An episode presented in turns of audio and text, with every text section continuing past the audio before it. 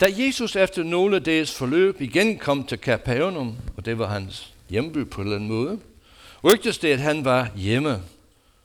Og der samlede sig så mange mennesker, at der ikke engang var plads uden for døren. Vi formodede det er Peters hus. Og han talte ord til dem. Så kom der nogle hen til ham med en lam, der blev båret af fire mand. Men da de ikke kunne komme hen til Jesus, for de mange mennesker, fjernede de taget over det sted, hvor han var. Og da de havde lavet hul, sænkede de boren med den lamme ned. Da Jesus så deres tro, siger han til den lamme, Søn, dine sønner tilgives dig. Men der sad også nogle af de skriftkloge, og de tænkte i deres hjerter, hvad er det dog, han siger? Han spotter Gud. Hvem kan tilgive synder andre end en, nemlig Gud? Da Jesus i sin ånd straks vidste, at de tænkte sådan ved sig selv, sagde han til dem, Hvorfor tænker I sådan i jeres hjerter? Hvad er det lettest at sige til den lamme? Dine sønder tilgives dig, eller at sige, rejs dig til din bord og gå. Men for at I kan vide, at menneskesønnen har myndighed til at tilgive synder på jorden, siger han til den lamme, jeg siger dig, rejs dig til din bror og gå hjem. Og han rejste sig, tog straks broren og forlod stedet for øjnene af dem alle sammen. Så de blev helt ude af sig selv og priste Gud og sagde, aldrig har vi set noget lignende. Amen.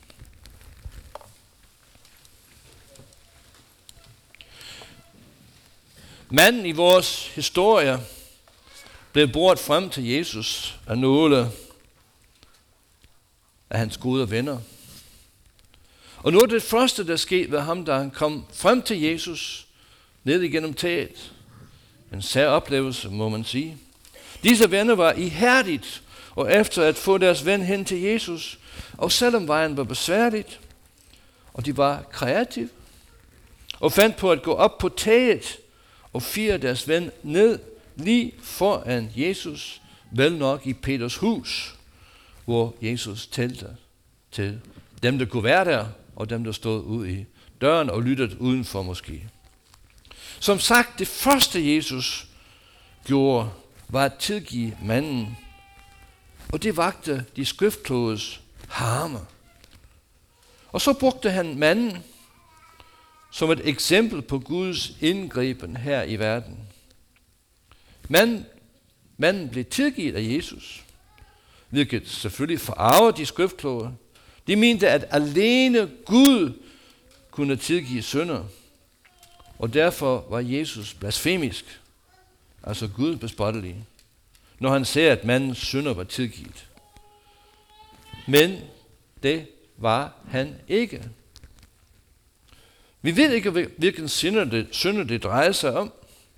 Vi ved blot, at han havde nogle venner, der troede, at ved at få deres ven frem til Jesus, kunne han gøre et mirakel, altså helbredelsesmirakel, for deres ven.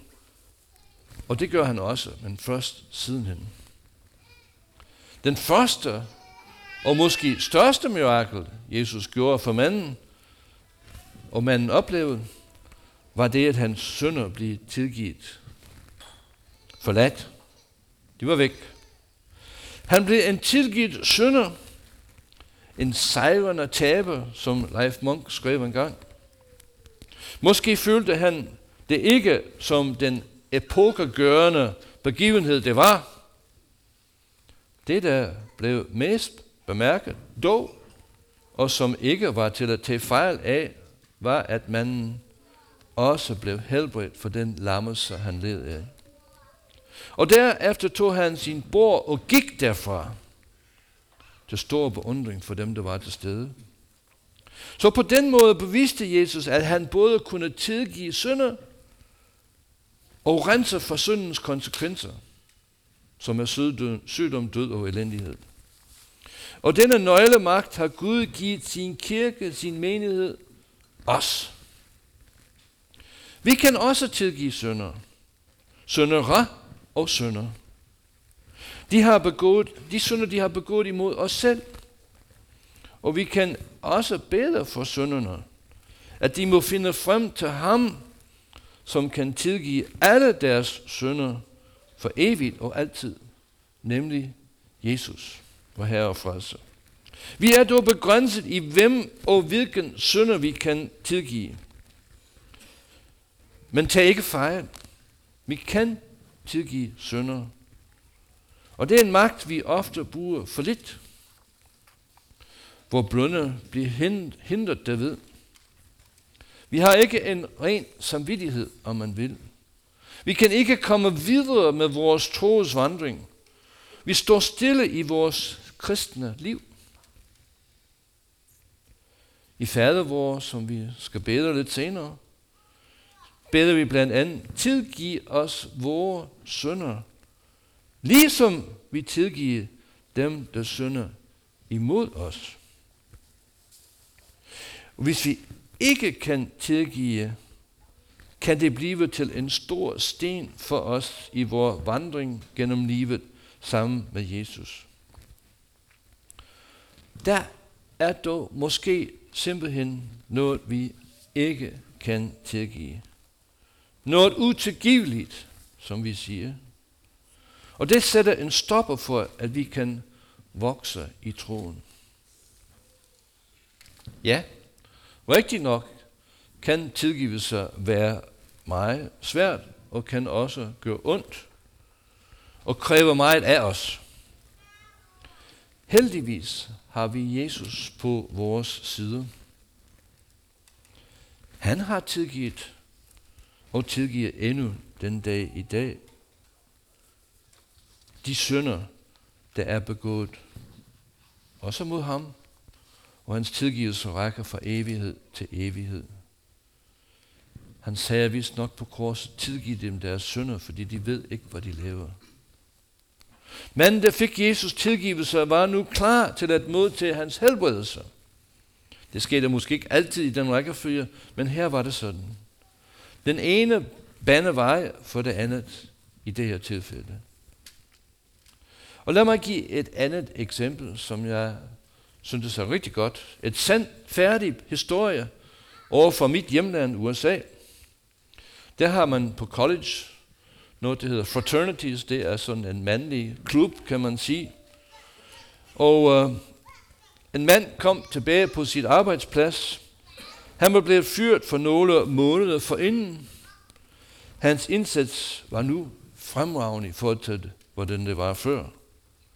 En, mand, en anden medarbejder huskede, hvor ustabil han tidligere havde været, og spurgte ham, hvad er sket med dig, siden du er så forandret?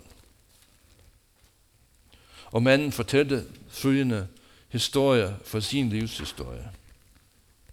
Da jeg gik på college, var jeg med i en fraternity, en broderskab for studerende. Og jeg var med til at indvige nye medlemmer.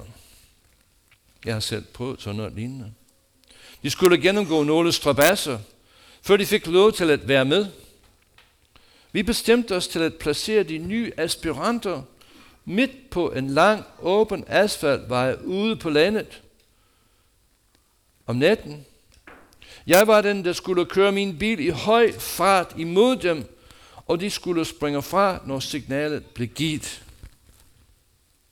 Det var en mørk nat, og jeg var nået op på 160 km i timen, og jeg så redsel i, mine, i deres øjne, i mine forlygter.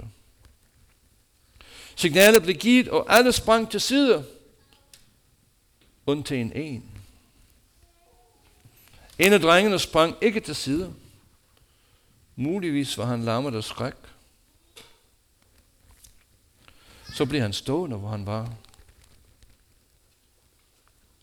Jeg forlod college derefter. Senere giftede jeg mig, og vi fik to børn. Drengens ansigtsudtryk, mens jeg kørte ham ned med 160 km fart, er blevet i mit sind hele tiden lige siden. Jeg blev ubehjælpelig inkonsekvent, med svingende humør, og til sidst blev en alkoholiker. Min kone måtte arbejde for at få det eneste indtægt, vi havde.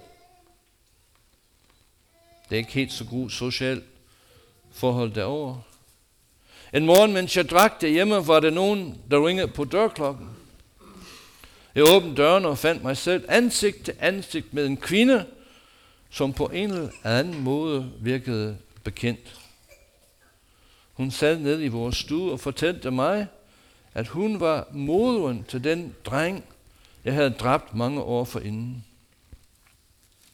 Hun sagde, at hun havde hadet mig og tilbragte pinefulde nætter ved at finde på måde at hævne sig på mig. Derefter fortalte hun om den kærlighed og tilgivelse, der blev hendes, da hun gav sit hjerte til Jesus Kristus. Hun siger, jeg er nu kommet for at fortælle dig, at jeg tilgiver dig, og jeg har et ønske om, at du kan tilgive mig. Jeg kiggede i hendes øjne den morgen, og jeg så dybt i hendes øjne tilladelse til at være den mand, jeg måske ville have været, havde jeg ikke slået hendes dreng ihjel.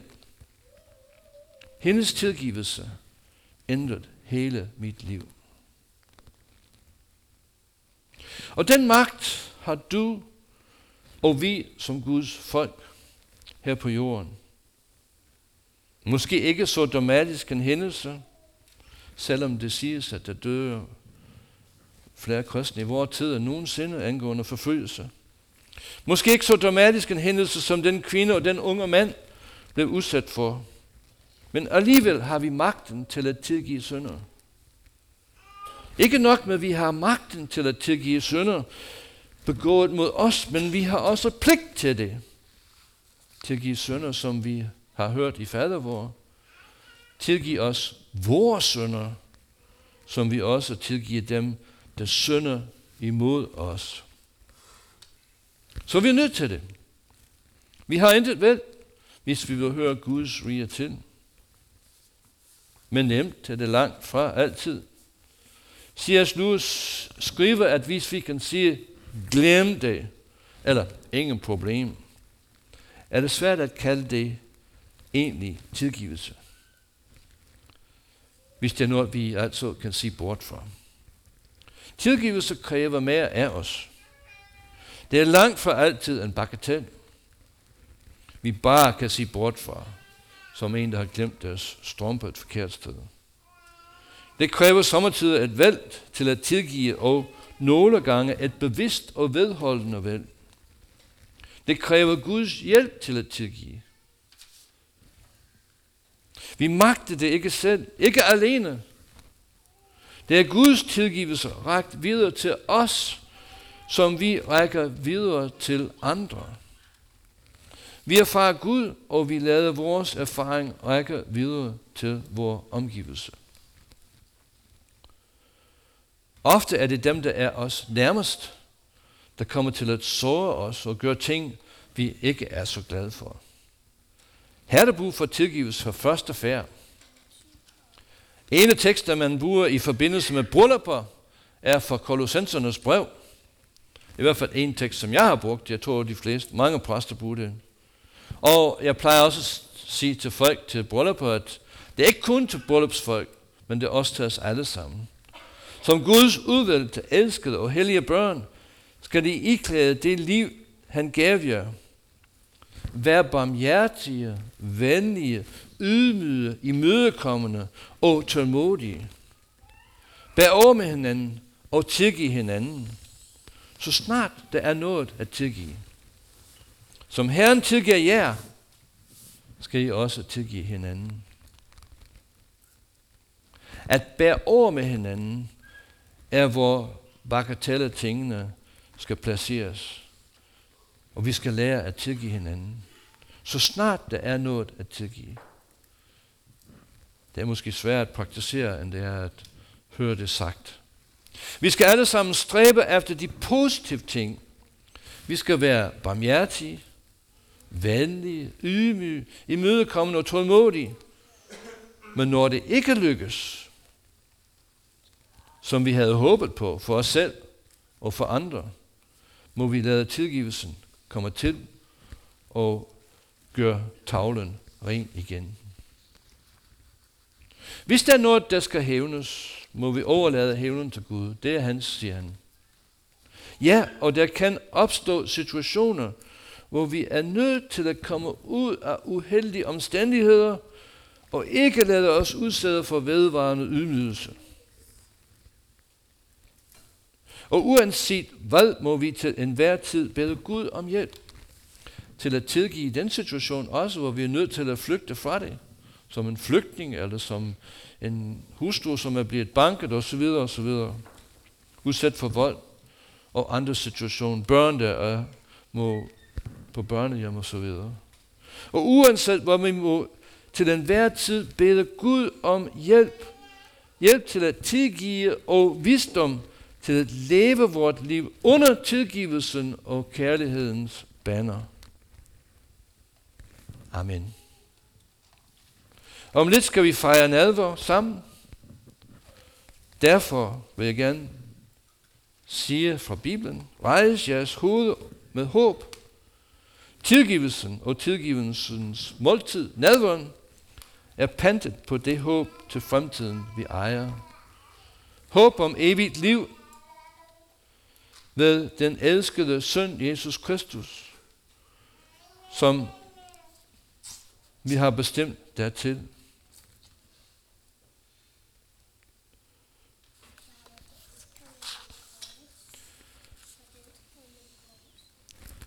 Amen. Og lad os bede sammen. Far i himlen, bøn, vi beder dig om fred i Jerusalem, i Israel, i Mellemøsten, fred mellem mennesker. Vi beder dig om, at du vil udgyde nådens og bøndens ånd over det jødiske folk. Lad dem tage imod dig som Messias, Messias, som du har lovet.